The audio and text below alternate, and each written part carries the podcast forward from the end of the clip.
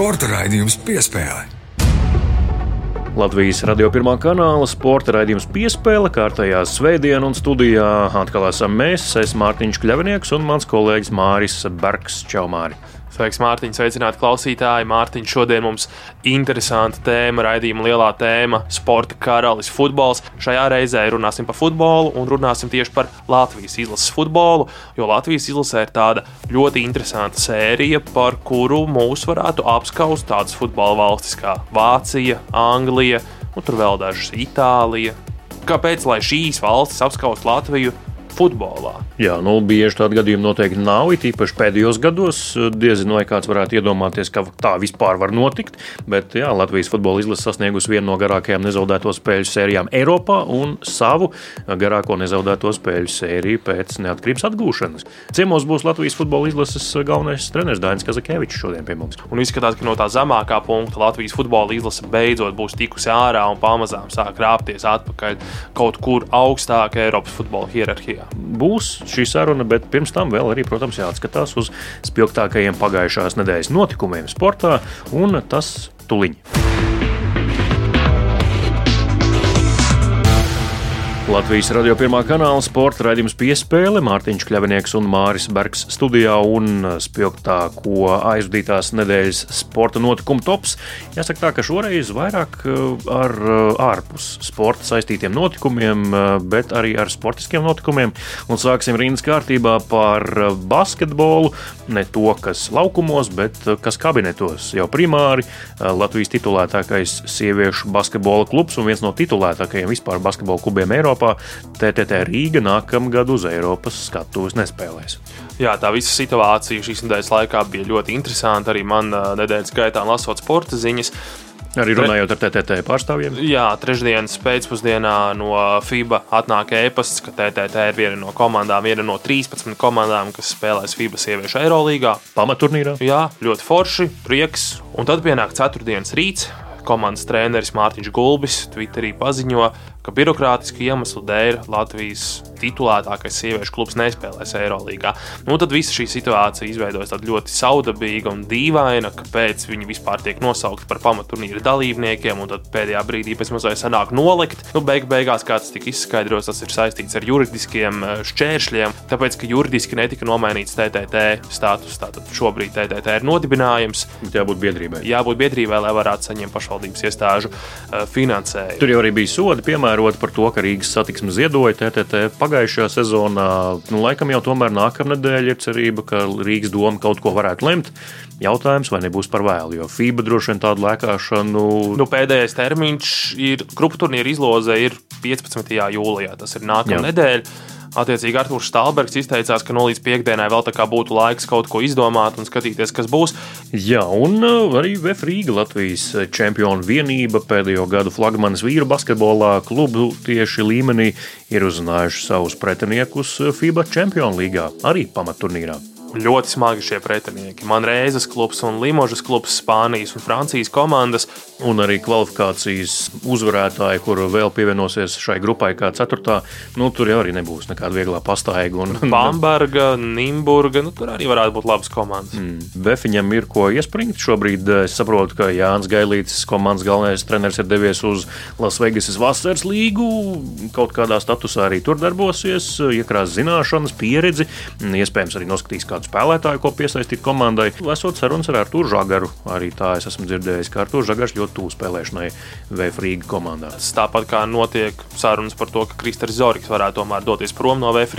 Viņam ir līgums, bet līgumā ir izpirkuma summa, kas priekš Eiropas mērogiem esot diezgan liela. Arī tas noskaidrosies nākamās nedēļas laikā jo tur ir šis te atrunātais termiņš, līdz kuram tas ir jāizdara. 15. jūlijas. Patiesības mirklis Latvijas klubu basketbolā 15. jūlijas gan TTT sakarā, gan arī VF Rīgas sakarā, bet mēs dodamies tālāk topā. Un e, mūsu nākamais pieturas punkts ir emocionālā Aļona Ostapenko, kur nu, nemaina, Kad viņa nav bijusi emocionāla. nemaina savus paradumus, un tāda paliek gan laukumā, esot, gan arī uh, dodoties no tā uz ģērbtuvēm, vēl apskādējot krēslu, nolamājoties un tā tālāk. Jā, nu tam apskādātajam krēslam tika pievērsta ļoti liela uzmanība. Aļona tāda zaudēja ceturtās kārtas mačā pret Tatjanu Mariju, neiekļuva Wimbledonas vienspēļu ceturdaļfinālā. Un dodoties no korta tā ļoti sirsnīgi un no visas spēka ar pudeli vēl iemet pa krēslu. Krēsls tur arī aizlidoja. Un, nu, tas izpelnījās, varētu teikt, lielāku uzmanību nekā tas, ko Aļona izdarīja vai neizdarīja kortā. Pēc tam arī Oļonai naudas sots spēle. Šīs spēles laikā arī, protams, lamu vārdi, kas šoreiz vismaz es dzirdēju, vairums bija latviešu valodā, par ko arī, protams, žetons Oļonai lamāties latviešu ir jāmāk. Tas prasa savu veidu virtuozitāti arī tiem, kuri varbūt ikdienā strādā pat sabiedriskajā medijā, kā mēs ar tevi. Jā, lamāšanās latviešu valodā tomēr nav tik ierasta, kaut gan dažreiz tas tiek likts lietā, tomēr krievu valodas vārdiņi ir ierastāki. Es domāju, mēs- sportistu vidē. Jā, mēs varam arī pateikt, ko Aļona pateica. Es sadzirdēju stulbā aita, kas principā ir nu, akls dzīvnieks. Nu, domāts, bet droši vien, ka pārnestā nozīmē metaforiski šajā gadījumā izmantots. Tas ir maigi no Ļonas. Viņa ir krietni skarbāka bijusi citreiz savā spēlē. Dodamies tālāk topā, un nākamā pozīcija, ko esam izvēlējušies, Nacionālās hokeja līnijas jauno spēlētāju izvēle, drafts, rekordliels skaits eiropiešu, 17 izvēlēti starp eh, 32 pirmās kārtas eh, jaunajiem censoņiem, nu un pirmie divi drafta numuri Slovākiem - Jurais Slavkovskis, numur viens, Monreāls Canadiens. Kā jau gaidīts, laikam. Nu, tur par to, kā būs, tur visu laiku tika spriests vēl pēdējos pāris nedēļas pirms drafta. Šeins Raits, varbūt Jurais Slavkovskis, varbūt vispār kāds cits. Nu, beig beigās Šeins Raits, spēlētājs, kuram ilgstoši tika prognozēts pirmais numurs, viņš vispār nokrita līdz ceturtajai vietai. Krakenijā izvēlējās. Jā, viņš iekrita Sietlas komandai rokās, kaut gan viņš pats vēl kaut kādus pāris mēnešus pirms drafta intervijā bija pateicis. Es jūtos, ka esmu pelnījis būt pirmais numurs. Nu, varbūt pārāk pašpārliecināts bija puisis, bet par Slovāku hokeju ir prieks. Pirms dažiem gadiem, vēl, kad Marijans Hosa beidza spēlēt, Marijans Gaboriks, daudzi šie ļoti pazīstami slavenie Slovāku spēlētāji. Nu, likās, ka Slovāku hokejā ir tāds pagrimums iestājies. Nu, ka vairs nav. Nu, nav tāda līmeņa spēlētāju. Nu, varbūt Slavkovskis un Ņemets būs tie nākamie, kas būs šī līmeņa spēlētāji. Un tas, ka valstī kā Slovākija ir pirmie divi drafta numuri, nu, tas jau ir iespaidīgs rādītājs. Bet, protams, tur arī ir uh, Čehi, Austrieši, ir tikuši drafta pirmajā desmitniekā. Jā, deviņi kanādieši, septiņi amerikāņi, četri zviedri, trīs krievi, trīs slovāki. Tātad arī pirmie divi. Divi čehi, divi somi, viens austrietis un arī viens šveicietis. Tāda izskatās NHL drafta pirmā kārta. Bet, jā, runājot par tevis jau pieminēto Šeinu Raitu, viņš uzreiz, kā tika draftēts no Sietlas komandas puses, arī pirmajā intervijā pateica, ka Monreāla man vēl pirms drafta sejā sacīja un teica, ka izvēlēsies mani. Tagad viņi to rūkti nožēlos, ka tomēr neizvēlējās mani ar pirmo numuru. Jā, viņš pats tā tieši tā viņš arī izteicās. Viņš teica, tās komandas, kas man neizvēlēs, nu man tagad ir uzdevums, ka man ir jāpierāda, un ka tā tie menedžeri nožēlos, ka viņi mani nepaņēma. Top nākamā pozīcija. Mēs jau pagājušajā nedēļā pieteicām, un viss raidījums bija par un ap to, ka Lietpājā būs rallies, Eiropas čempionāta posms, un kurš tad uzvarēja gan rallijā, gan visos ātrumposmos. Neviens cits kā mainieks - Mārtiņš Sasks. Jā, Mārtiņam saskam dominējošs sniegums, 12 ātrumposmi, 12 uzvarēti ātrumposmi. Nu, neatceros, es pēc tam arī meklēju, kad kaut kas tāds ir noticis, un tā arī man neizdevās atrast. Un rallijā tik daudz nejaušību. Tur var mašīnas aplīst. Tur Pats var... iebraukt grāvī, kā Jā. konkurentiem gadījās. Ko viņš tev teica, Mārtiņ? Tu biji tas cilvēks, kurš uzklausīja viņa pirmās emocijas pēc uh, uzvaras. Jā, Mārtiņš kārtīgi palaistījās ar šampanieti uz goda piedestāla, protams. Tās piedienās pie lietas. Jā, tas viss pieder pie lietas, bet pēc tam Mārtiņš pats, godīgi sakot, pat nezināja, ko teikt. Viņš arī bija tāds apjucis mazliet, ka tas viss ir gājis tik gludi. Jo ir jāatceras, ka pirms šī rallija Mārtiņš tieši ar šo mašīnu brauca divas reizes. Daudz no Mārtiņa sasku, bet stūrmans taču arī jāuzsaka īpaši šādos gadījumos. Nu, protams, sadarbība ar Renāru Franci arī. Nu, bez Renāra Franča viņi pirmajā kilometrā droši vien kādu koku būtu atraduši. Līdz ar to, protams, abi, abi sportisti, kas atrodas mašīnā, lielisku darbu ir paveikuši gan pierakstot trasi, rakstot stenogrammu, gan pēc tam arī braukšanas laikā šī sapratnē. Protams, abiem ir augstā līmenī, jau brauc jau kopā nevienu vienu sezonu, ap jau vairākus gadus startē kopā. Līdz ar to, protams, uzslavas arī Renāram Francim. Bet, um, nu, diemžēl, top izskaņā mums atkal ir jāatgriežas pie Nu, jau ierastās rubrikas otrā nedēļa pēc kārtas, kad tā ir atgriezusies. Uh, rubrika nedēļas klauns. Ja šī rubrika atgriežas, tad uz ilgāku laiku. Tā tas bija arī janvārī. Kā, jā, ja tā rubrika ir, tad ir, tad tik ātri nepazūd. Jā, un arī šīs nedēļas tops neiztiek bez uh, nedēļas klauna. Un turklāt tajā pašā segmentā, kur klauns bija pagājušā nedēļā. Jā, pagājušā nedēļā par klaunu kronējām Mīku Indreši, hokeistu, kurš bija parakstījis līgumu ar Maskavas Spartaku. Un joprojām arī šobrīd mēs nezinām, kas tur īsti bija. Bija paraksts, nebija paraksta. Es gribētos arī Mikam joprojām atstāt nedēļas klauna status, jo šis viņa paziņojums otrdien Instagramā tomēr izklausījās mazliet smieklīgi. Jā. Labi, es esmu Latvijas patriots, esmu spēlējis cik tur tajos pasaules čempionātos. Jā, ok, mēs tevi dzirdam, tu to esi darījis, viss vis kārtībā, visu cieņu. Bet pēc tam uzmes lūpu, ka mēs klausām vienu vienīgo patiesību, un ka nu, tur tā tālāk, un ka žurnālisti ir slikti, un sociālo tīklu lietotāji ir slikti, ka viņš tiek kritizēts. Mik, kur tu biji sešas dienas? Un ko tu gaidīji citu? Ko reakciju? tu gaidīji? Kādu reakciju tu varēji sagaidīt, ka tev sitīs pajās pa galviņu un teiks, jā, Mik, malacis, ka tu aizgāji uz KHL spēlēt, ka labā līmenī spēlēs? Bet bija arī tādi. Tā ir vienkārši atpakaļgaitas slēgšana tagad, kad sūdi ir līdz ausīm, latviešu sakot, un tagad ir jādomā, kā to visu iztrept un kā to reputāciju saglabāt. Bet šīs nedēļas klauns ir Mikls Indrišs kolēģis, cits hokejists vārds Sarks Jānis Kalniņš, kurš braukšot spēlēt uz Habarovska Samūru. Nu, sāksim ar pozitīvo. Viņš sešas dienas neklusēja. Viņš uzreiz pateica, kā ir. Jā. Es reķinos ar šādu reakciju, zinu, ka tas tā būs. Ilgi domāju, izdomāju, ka tomēr ir jāņem tas, ko dzīve piedāvā. Hokeja karjera nav gara, nopelnījuši naudu tagad, lai varētu varētu dzīvot pēc karjeras. Nu, Jāni, Jāni, pirmkārt, jau um, pirms kara nu, retais uh, tāpat labprātīgi piekrita braukt uz Habārovsku un spēlēt. Kur... Kas par Dāngoņu taisnā, taisnā tekstā atšuva Habārovsku? Jā, jo tur naudu neizmaksā lielākā daļā gadījumu. Arī pirms kara Habārovskai bija reputācija kā komandai, kur neizmaksā beigās algas. Tad jau tagad piesola lielo naudu, kā neoficiāli tiek runāts 700 tūkstoši eiro. Bet Habārovskai arī bija viens no mazākajiem budžetiem līgā pirms kara. Nu, varbūt mazliet vairāk kā Rīgas dīnāmo bija 700 tūkstoši vienam vārdsargam. Nu, kur tad viņi ir sakasījuši to pārējo naudu? Jānis arī sniedz savu komentāru Latvijas radio. Kolēģis Reinis Grunsteins viņu sazvanīja, un arī tur arī Jānis neiztika bez nu, akmentiņa mešanas žurnālistu dārziņā. Es jau zinu, ka jūs jau arī uz manu šī paziņojuma nopelnāt un klikšķīšus vācat, un ko tikai vēl ne. Jānī, mēs. Es saku pilnīgi godīgi, roku liekot uz sirds, mēs nu dienu daudz eh, labprātāk ziņot par to, ka tu esi lojāls Latvijai un Latvijas izlasēji un brauc spēlēt uz kādu Eiropas klubu, pelnīt mazāku naudu nekā ziņot par šo notikumu, eh, kāda ir tava izvēle šobrīd. Un piedāvām eh, gribētu papildināt, nu tad jau arī mums šeit radio būtu jāpropagandē tas, lai cilvēki nesprādzējas automašīnās, brauc dzēruši, jo tas būtu nu, nu, lielāks biznesa ārstiem, viņi vairāk nopelnītu. Un mums arī būtu vairāk par avārijām, ko stāstīt iesaistīt. Godīgi sakot, es arī labprātāk Jānu uzaicinātu uz interviju, parunāt par to, kā gāja Somijas čempionātā, kā viņi ar Tamperes tapara kļuva par čempioniem un kāpēc vispār tā sezona salikās tā, kā salikās.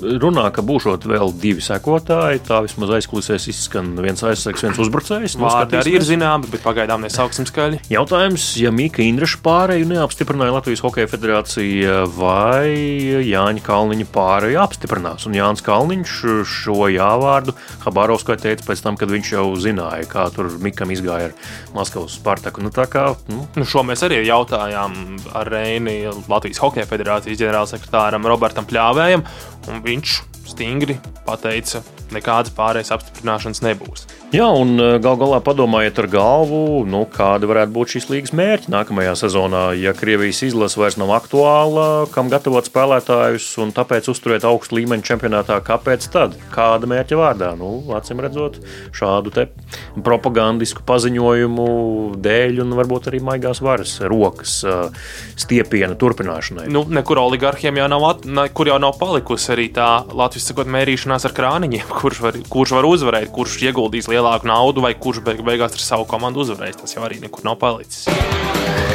Līdz ar to arī izskan šīs nedēļas spilgtāko notikumu tops eh, sportā, raidījumā piespēle, un eh, mēs tuliņ jau dodamies uz lielo interviju ciemos Dainis Kazakevičs, Latvijas futbola izlases galvenais treneris. Viņš jau tepat gaida pie durvīm. Tuliņ saucam iekšā. Sporta raidījums piespēle. Latvijas radio pirmā kanāla sporta raidījums piespēle turpinās. Studijā Mārtiņš Kļavinieks un Mārs Bergs, un uh, mums ir pievienojies trešais sarunas dalībnieks. Ja nedēļas topu parasti mēs ar Māri uh, izējām cauri divatā, tad, uh, protams, lielā sāruna ar kādu konkrētu viesi, un tas šodien ir Latvijas futbola izlases galvenais treneris Dainis Kazakēvičs. Sveiks, Daini! Labdien! Tagad interviju pēdējā laikā ir daudz. Tu arī pie mums studijā ieradies uzreiz no sarunas ar Latvijas radio 4. kanālu droši vien patīkamāk šobrīd ir runāt par futbolu, kad izlasē ir šādi rezultāti, nekā tas bija piemēram pirmajā gadā, kad stājies amatā vai ne? Patiesībā ir tā, ka, ja godīgi jāsaka, tad nemaz tik daudz to interviju nav, jo es cenšos tomēr arī tā mazliet sevi ierobežot ar to, cik daudz es uz ārā komunicēju. Noskaņojums ir labs. Tā pašā laikā es domāju, ka treneru darbs ir tāds, ka gan pēc labām, gan ne, ne tik labām spēlēm ir jābūt gataviem komunicēt, skaidrot izteikt domu šajā ziņā emocionāli, bez šaubām. Šobrīd ir patīkamāk runāt par pozitīvām lietām. Trenerim jābūt tai, tai personai, kur vienmēr saglabā vēsu prātu un jau domā pāris soļus uz priekšu. Daina, kā vispār ir mainījusies, ņemot vērā šos rezultātus, tā atmosfēra ap izlasi, gan žurnālistu attieksme kaut kādā mērā, gan līdzstēji, viss tas, ko jūs esat komandas iekšēnē sajūtat, kā tā atmosfēra ir pamainījusies. Tas, ko es tā izteiktāk varu sajūt, es varbūt arī neesmu tāds ļoti publisks persona un arī ļoti ne, neiedziļinos teiksim, tur, um, dažādās uh, sociālās vietnēs. To varbūt es ne tik ļoti jūtu, bet tas, ko es acīm redzami jūtu, ka pēc pagājušā gada mūsu snieguma šogad mūsu mājas spēlēs tieši Nācija līgā salīdzinoši ar 20. gadu, es jūtu ļoti pozitīvu tribiņu atbalstu. Un tad, kad mums šīs spēles pirmās nevisai padevās kaut kādos uh, momentos. Tur nebija uh, ne svilpšana, ne kaut kādi komentāri, bet tur bija reāls atbalsts, pozitīva emocija, dzina komandu uz priekšu. Un, kā jau es arī teicu pēc spēlēm, nu, tas reāli palīdzēja. Tas pietuvināja mums tiem 12 punktiem. Kas ir izlases labā snieguma pamatā? Nu, kā tu varbūt īsumā radioklausītājiem izskaidrotu? Kāpēc tik labi spēlēji? Es domāju, ka tas ir tāds plānveidīgs darbs šo pēdējo divu pusgadu laikā, ka arī tad, kad mums kaut kas nepadevās, mēs turpinājām pieturēties pie tām idejām, pie tās spēles filozofijas, pie tā spēles zīmējuma, ieguvām stabilu sastāvu, un šie puiši pa šiem diviem pusgadiem iekrāja arī zināmu pieredzi.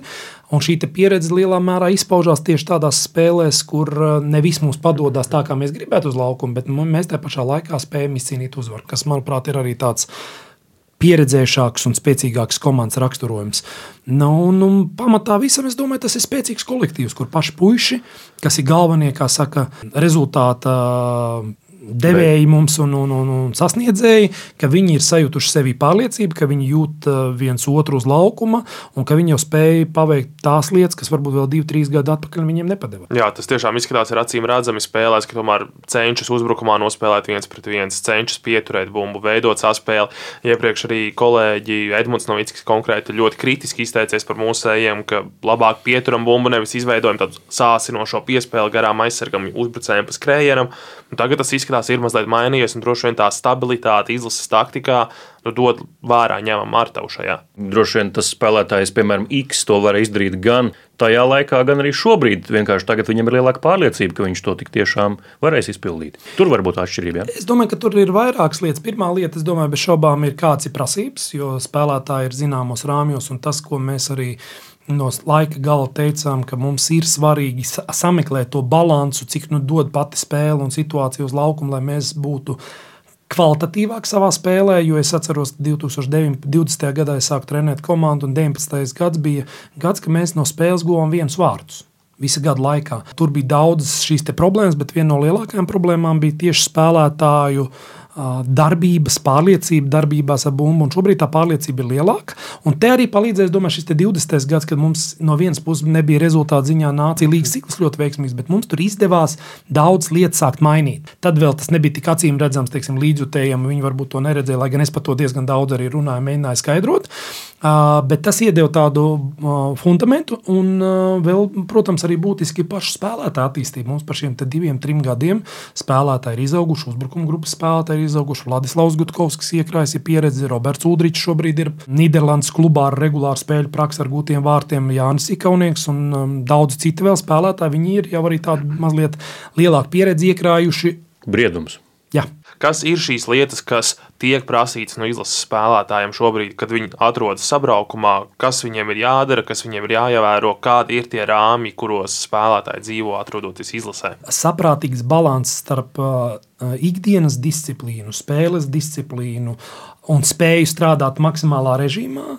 Un blakus liekot to, ka tā ir pozitīva atmosfēra, kurā ir veselīgs humors, kurā ir uh, iespēja uh, parādīt arī savu radošumu, parādīt savu tādu kreativitāti, kur vide dod iespēju tev izpaust savas labākās īpašības. Un šeit šis pareizais līdzsvars, nu, man šķiet, mēs pie tā diezgan daudz strādājam, ka mēs saprotam, ka ir laiks, kad ir jāpastrādā, ir laiks, kad mēs varam atpūsties, ir laiks, kad ir kaut kādas lietas, kurās tu vari būt ļoti radošs uz laukuma, bet ir laiks, kur tev jāizdara konkrēta lieta, konkrētā laikā, ar konkrētu nezinu, spēku. Un, un šeit ir ļoti būtiski, lai, lai spēlētājs to saprot, lai nu, mums būtu saprātīga šī spēles disciplīna, bet lai tie nebūtu tādi alvas zaldātiņi, kuriem nav ne pa labi, ne pa kreisi.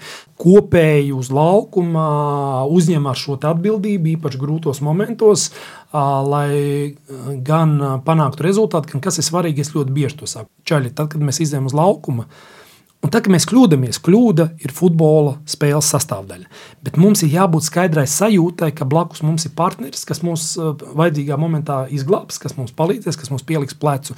Un tas ir viens no tādas mūsu spēles filozofijas arī pamatiem, kad ir jābūt šai sajūtai, ka tu esi kopā ka tu nevis vienkārši tad, kad ir labi, esi mm. kopā, bet arī tad, kad ir nevisai labi momenti. Un es domāju, mūsu komandas tādam veidošanās procesam, pat šis 20. gada rudens, kad mums gāja neviegli, bija ļoti vērtīgs. Kad grūtos epizodēs varēja redzēt, ka mēs bijām kopā, ka mēs virzījāmies uz priekšu, mēs viens otram noticējām, un pēc tam tas sāka dot jau reāls rezultāts uz laukuma. Bet tas taču bija arī tas, ko tu teici, ka te uzrunāja šim amatam, vai ne, ka neprasiet no manis rezultātu pirmajā gadā. To mēs atceramies arī no pašas, pašas pirmās preses konferences. Jā. Jā, es to diezgan godīgi pateicu, jo es gribēju būt godīgs pret sabiedrību, pret līdzjutējiem, pret žurnālistiem, jo ir kaut kādas lietas, kas nav acīm redzamas. Un, Tanī brīdī, kad es uzņēmu šo amatu, man bija jāiedod skaidra arī ziņa par to, nu, kāds ir tas mans plāns un kā tas notiks. Un es jau arī saprotu līdzjutējus. Viņiem jau tas viss neinteresē. Viņi domā, ka tas ir zināmā mērā nu, kaut kāds aizsarga refleks, ka tagad treneris saka, nu, jūs tagad no maniem neko neprasiet, es tur tagad neko nedarīšu. Ne? Un tad tur pēc gada vai pēc divi, nu, tad jūs man varēsiet atlaist. Mm. Bet stāsts jau nav par to. Es teiksim, kā cilvēks, kas diezgan skaidri to visu saimniecību sapratu, es arī pateicu, ka tas ir tas, ko es varu izdarīt. Citu es neko nevaru izdarīt, jo tā nebija pirmā reize, kad man arī uzrunāja izlases sakarā. Man pirms tam bija arī varianti, kad es varēju pārņemt izlasi, bet tajā brīdī es redzēju, ka es tur neko īsti lietas labā vēl neesmu gatavs darīt. Un tā kā es biju gatavs darīt, tad es teicu, kas ir tās lietas, kād, uz kādiem nosacījumiem es to esmu gatavs darīt. Un, nu, man izskatās, ka tas ir svarīgi, ka mēs esam godīgi viens pret otru, un tādā ziņā es arī ar spēlētājiem līdzīgi strādāju. Ka es cenšos piekopt to, ka, ja nav labi, es viņam saku, nav labi. Es nekautrējos no tā, es viņam saku ar cieņu pret viņu, cenšoties izskaidrot argumentus, bet, bet es viņam to saku, jo mans uzdevums panākt, lai būtu labāk. Instruments vai taktiskais risinājums, ar ko ir daļai arī saistām pēdējā laika panākumi šie divi lielie uzbrucēji priekšā - Vladislavs Gutkovs, kas tev jau pieminētais, un Roberts Uldriķis, kur un kā dzim ideja savienot šos abus spēkus kopā spēles laikā pamatsastāvā. Tad, teiksim, tā pirmajā gadā, 20. tur bija tā situācija vēl ar to Covid, ka tur pat īstenībā bija reti, kura spēle, kur viņi abi bija ierindā. Bet jau tādā nākamajā gadā, kad es reāli redzēju, ka abi mums uh, progresē, abi ir pietiekami spēcīgi. Un mans kā treneru uzdevums ir atrast labākos risinājumus, lai visspēcīgākie spēlētāji būtu uz laukuma. Un, teiksim, tādā brīdī, kad es redzēju, ka viņi ir labākā formā un reāli tas var nostrādāt, jo šī taktiskā schēma 4-4-2 Viņa īsti labi nestrādā, ja nav ļoti aktīva un agresīva šajā uzbrucēji. Mēs tādā veidā, zināmā mērā, zaudējam vienu lieku spēlētāju laukuma vidusdaļā. Un, lai to kompensētu, mums jābūt ļoti agresīviem un ļoti kustīgiem. Tad tas strādā. Un es atceros tos, tieši to spēli ar turkiem, kas mums bija mājās, kur viņiem bija diezgan liels šoks. Viņi pirmās 25 minūtes vispār nesaprata, kas notiek. Mums tur bija kaut kādi astoņi stūri. No tā, ka mēs viņus izgājām, sākām presingot. Viņi domā, bļāviens, kas tie ir. Jūs tikai dažas dienas atpakaļ pēc holandiešiem sēdējāt dziļā aizsardzībā un spēlējāt pret uzbrukumiem. Mēs uz to gatavojamies, ja jūs te mūs sākat daudzīt. Un, principā, tāpēc tā ideja dzīmā tā pakāpeniski, bet tā doma no paša sākuma bija tāda. Un arī tagad pieņemsim domu, ka mēs Jānis Kaunieki izmantojam laukuma malā pussarga pozīcijā. Viņi arī ar to saistīti, ka mēs meklējam variantus izmantot visus mūsu spēcīgākos spēlētājus vienlaicīgi uz laukuma. Mm. Un kas ir labi, labi. Visi šie spēlētāji, viņi ir ļoti daudz gatavi darīt komandas labā. Jā, bet runājot par Vladislavu un Robertu, nav jau tā, ka viņi abi ir vienādi izvirzīti priekšā. Vladislavs tomēr vairāk ir uz to noslēgumu, ja, un Roberts tomēr vairāk uz bumbas apstrādi piespēlē. Ja. Tas ir atkarīgs no konkrētajā spēles fāzē, kurā brīdī mēs kur uz laukuma atrodamies, bet skaidrs, ka viņi bieži spēlē nevis blakus, bet viens atlets pretī bumbai, otrs aiz mugurām skrien. To var darīt gan viens, gan otrs no viņiem. Mm. Roberts varbūt, jā, viņš kvalitatīvāk aizsarās aiz bumbas, savukārt Vlads ir agresīvāks, atcedoties aiz muguras, bet principā arī mainoties šīm funkcijām, viņi pietiekami veiksmīgi to var darīt. Jā, bet ir sava veida funkcijas, kas viņiem ir tiek uzticēts, un arī tas vēl ir atkarīgs no pretinieka. Jā, bet tā taktika 4-4-2, tas izvietojums tas ir veids, kā Latvijas izlase spēlēs arī nākotnē, vai tur tomēr ir iespējams variācijas ar pieciem pussargiem, varbūt ar pieciem aizsargiem, vai mēģināt nezinu, ar diviem balsta pussargiem spēlēt? Nu, mums principā ir divas pamatschēmas šobrīd. Mums ir 4-4-2 un 4-2-3-1. Tās ir abas schēmas, kuras mēs diezgan labi esam izmantojuši, kuras mēs pārzinām, kuras mēs varam izmantot jebkurā brīdī noteikti. Un šajā schēmā, piemēram, 4-2-3-1, tikpat labi arī Gutkovskis ar, ar Udriču varbūt uz laukuma. Mm -hmm. Udričs var desmitnieku pozīciju, centrālā uzbrukošā pusarga pozīciju spēlēt, vai tur var būt ķīgurs vai ikaunieks. Tā kā šīs divas schēmas strādā, viņas ir aprobētas un mēs viņas izmantojam. Plus mēs vēl izmantojam schēmu šādi tad, kā spēlē pret um, Nīderlandi. Mēs spēlējam ar trim centra pusargiem, ar trim balsta pusargiem. Mm. Ja mēs jūtam, ka mums tur centrālajā zonā pietrūks mazliet kompaktuma, nu, pirmais, ko es uzreiz teicu, kad es kļuvu par izlases treneru, es nepiekrītu tā tēzē, ka mums nav spēlētāju. Es uzskatu, ka mums ir spēlētāji, no kuriem var izveidot labu komandu. Mums varbūt šobrīd nav vēl daudz spēlētāju, kas reāli pretendē un ir kaut kādās top līgās un ir tiešām ļoti manāmi un redzami, bet arī tas ir jautājums, kur es ticu, ka laika gaitā mums tādi spēlētāji tuvākā laikā parādīsies un mums ir vairāk potenciāli labi spēlētāji. Un es pat teikšu, atklāti, citreiz skatoties spēles pret citām komandām, kur ir tādi spēlētāji, kaut vai pret to pašu Turciju, ir atsevišķi spēlētāji, kuri Turkiem spēlē vadošās līgās, bet ja viņus viens pret viens ar mūsu spēlētājiem salīdzina, mums ir atsevišķās pozīcijās spēlētāji, kas ar viņiem reāli varētu konkurēt. Un tur droši vien ir daudz apstākļu, gan tirgus moments, kā tiek uztverti konkrētie čempionāti, gan aģentu pieejamība un tā tālāk. Bet eh, es varu pateikt, ka es ļoti pozitīvi vērtēju puikas. Es redzu, ar kādu entuziasmu viņi brauc uz izlases, kā viņi trenējās. Ar kādu pašadēju viņi spēlēja. Es domāju, viens no lielākajiem iegūmiem eh, no pagājušā gada, kad, manuprāt, jebkurš līdzjūties, kas atnāca uz jebkuru spēli, pat ne tik veiksmīgi, kur mums nevis izdevās uz laukuma, redzēja, ar kādu attieksmi un ar kādu pašadēju futbolistu spēlē, kā viņi cīnās par katru bumbu, kā viņi skrien, ar kādu enerģiju viņi mēģina panākt šo rezultātu. Kā, manuprāt, nu, mēs esam uz pareizā ceļa. Bet mēs esam šī ceļa tikai pašā sākumā. Vismaz Kaspar Gorkša prezidentūras laikā, kad viņš bija Latvijas Futbola Federācijas prezidents, es zinu, ka tika meklēti arī spēlētāji ar latviešu saknēm ārzemēs. Nu, viņi varētu iegūt pilsonību, pastiprināt izlasi. Tas joprojām notiek, vai pagaidām jūs reiķinaties ar vietējo resursu? Tas notiek nemitīgi. Vairāk tas attiecināms ir uz tiem jaunajiem spēlētājiem, kas ir jaunatnes izlasēs. Mums bija komunikācija un ir komunikācija ar diviem futbolistiem, jau teiksim, kas ir pieaugušo vecumā, kuri mūs interesē lietu. Tur ir dažādi apstākļi, kāpēc mēs šobrīd tālāk neesam pavirzījušies. Bet ir ļoti svarīga viena lieta, ka Latvijas Nacionālā izlasē manuprāt, ir jāspēlē tikai spēlētājiem, kuri paši ļoti, ļoti to grib. Pierunāt nevienu nevajag. Un tāpēc citreiz es personīgi esmu gatavs izvēlēties spēlētāju, kurš ir ne tik meistarīgs, bet kurš savu sirdi, dvēseli, enerģiju un visu pārējo atstās uz laukuma. Labā lieta, ka laikam Daņa Kazakēviča uh, izlases vadīšanas laikā vairs tie naturalizācijas stāsti nebūs. Tas pavisam noteikti. Nebūs. Nebūs. Un arī principiāla līnija tomēr tiek ieturēta. Mm. Jā, jā es, es arī personīgi uzskatu, ka Man, man ir milzīga cīņa pret daudzām mazajām izlasēm. Nu, piemēram, to pašu San Marino. Nu, San Marino izlase, principā, paņemot itāļus no B sērijas, no A sērijas, kas netiek Itālijas izlasē, viņiem būtu ļoti labi izlase. Tāda komanda varētu būt. Jā. Bet viņi to nedara. Viņi, šī San Marino izlase, San Marino valsts vienība ir tiem cilvēkiem, kas ir tur dzimuši, kas ir auguši, kas ir tur apgūši futbolu. Un es domāju, tas ir ļoti būtisks stāsts. Mums nevajag meklēt ātros ceļus jātic savu spēlētāju, jātic viņiem, jāuzticas viņiem, un tad mēs kopā arī kaut ko lielu varam paveikt. Sarunas noslēgumam, tuvojoties Dainī, tā labākā spēle pie Latvijas futbola izlases stūres līdz šim? Nu. Man personīgi laikam vislabākā spēle, lai gan viņi nenes uzvaru, lai, lai cik tas interesanti būtu, man vislabākā spēle laikam būs mūsu mājas spēle pret Turciju.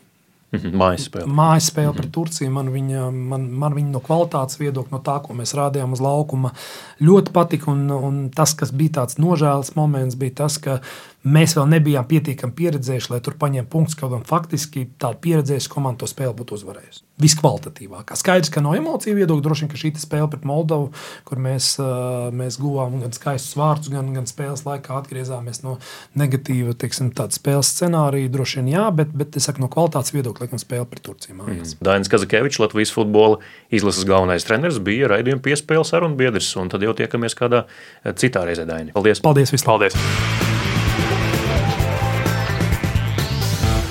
Latvijas radio pirmā kanāla sporta raidījums piespēle. Studijā joprojām Mārtiņš Kļavinieks un Mārs Bergs. Tāda lūk saruna ar Daini Kazakeviču un par futbolu arī turpinām, jo nu, jāpaskatās arī ir skaitļos, kā tad īsti Latvijas futbola izlase izskatās un ir izskatījusies cauri laikiem.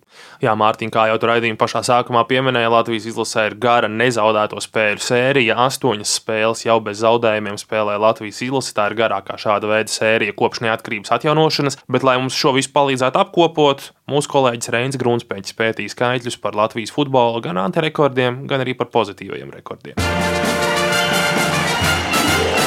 Vēstures stūrītis!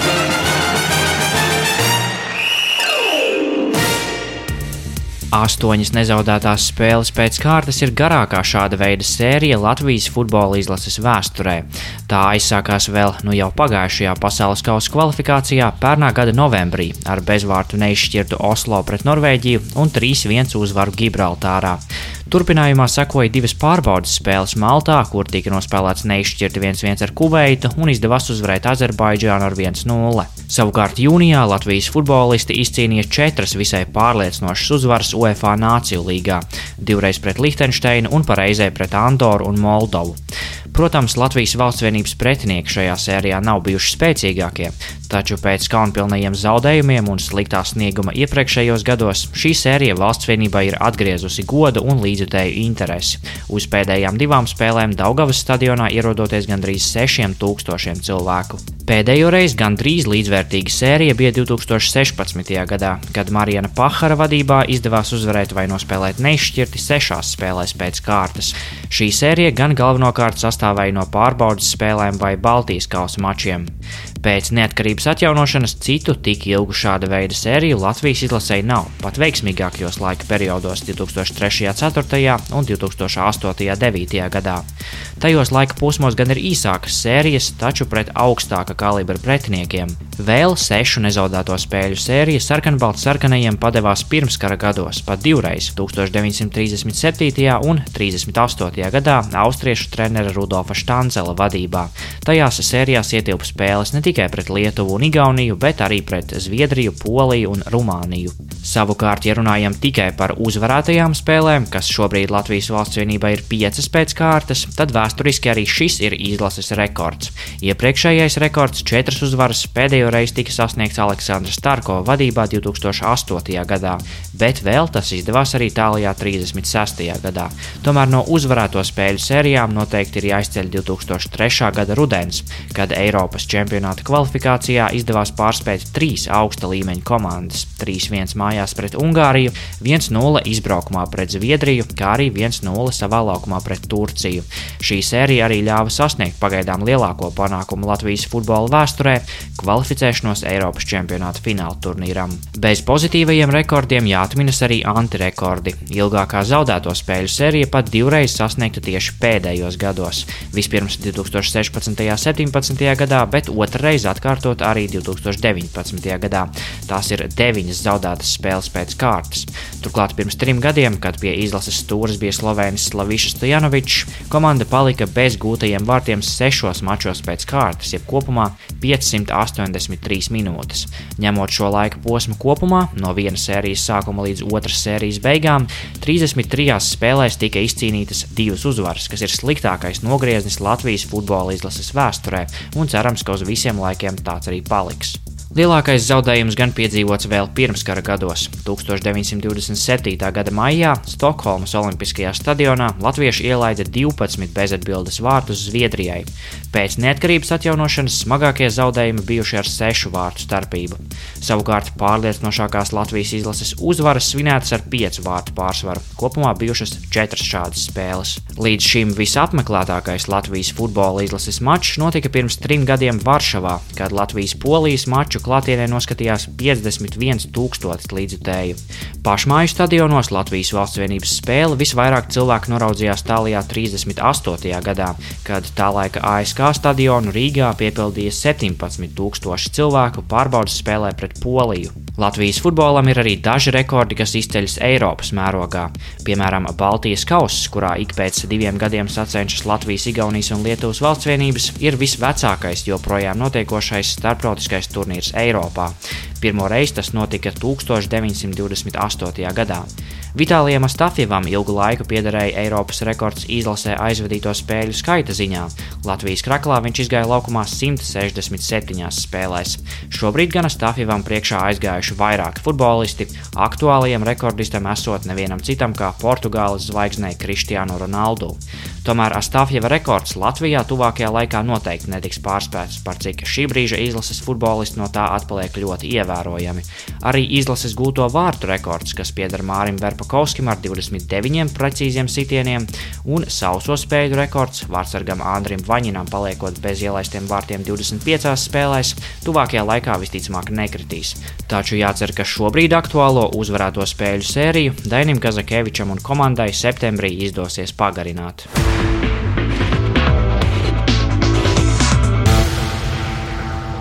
Svētdiena, Latvijas radio pirmais kanāls, sporta raidījums piespēle, studijā Mārtiņš Kļavnieks un Mārs Bergs. Runājām par futbolu, un līdz ar to arī šis raidījums par sporta karali izskan. Es ceru, ka jums bija interesanti gremdēties gan skaitļos par to, kā Latvijas futbola izlase spēlējusi cauri laikiem, ko apkopoja Reinis, gan arī saruna ar Dainu Kazakeviču, kurus, domāju, daudz jaunu atziņu arī dzirdējām.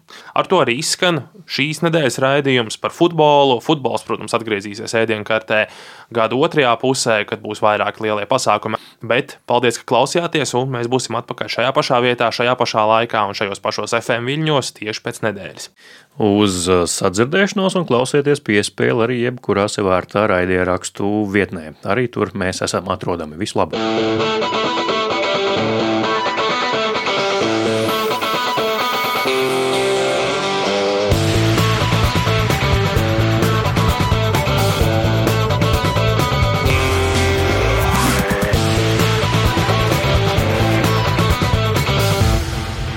Raidījums piespēlē.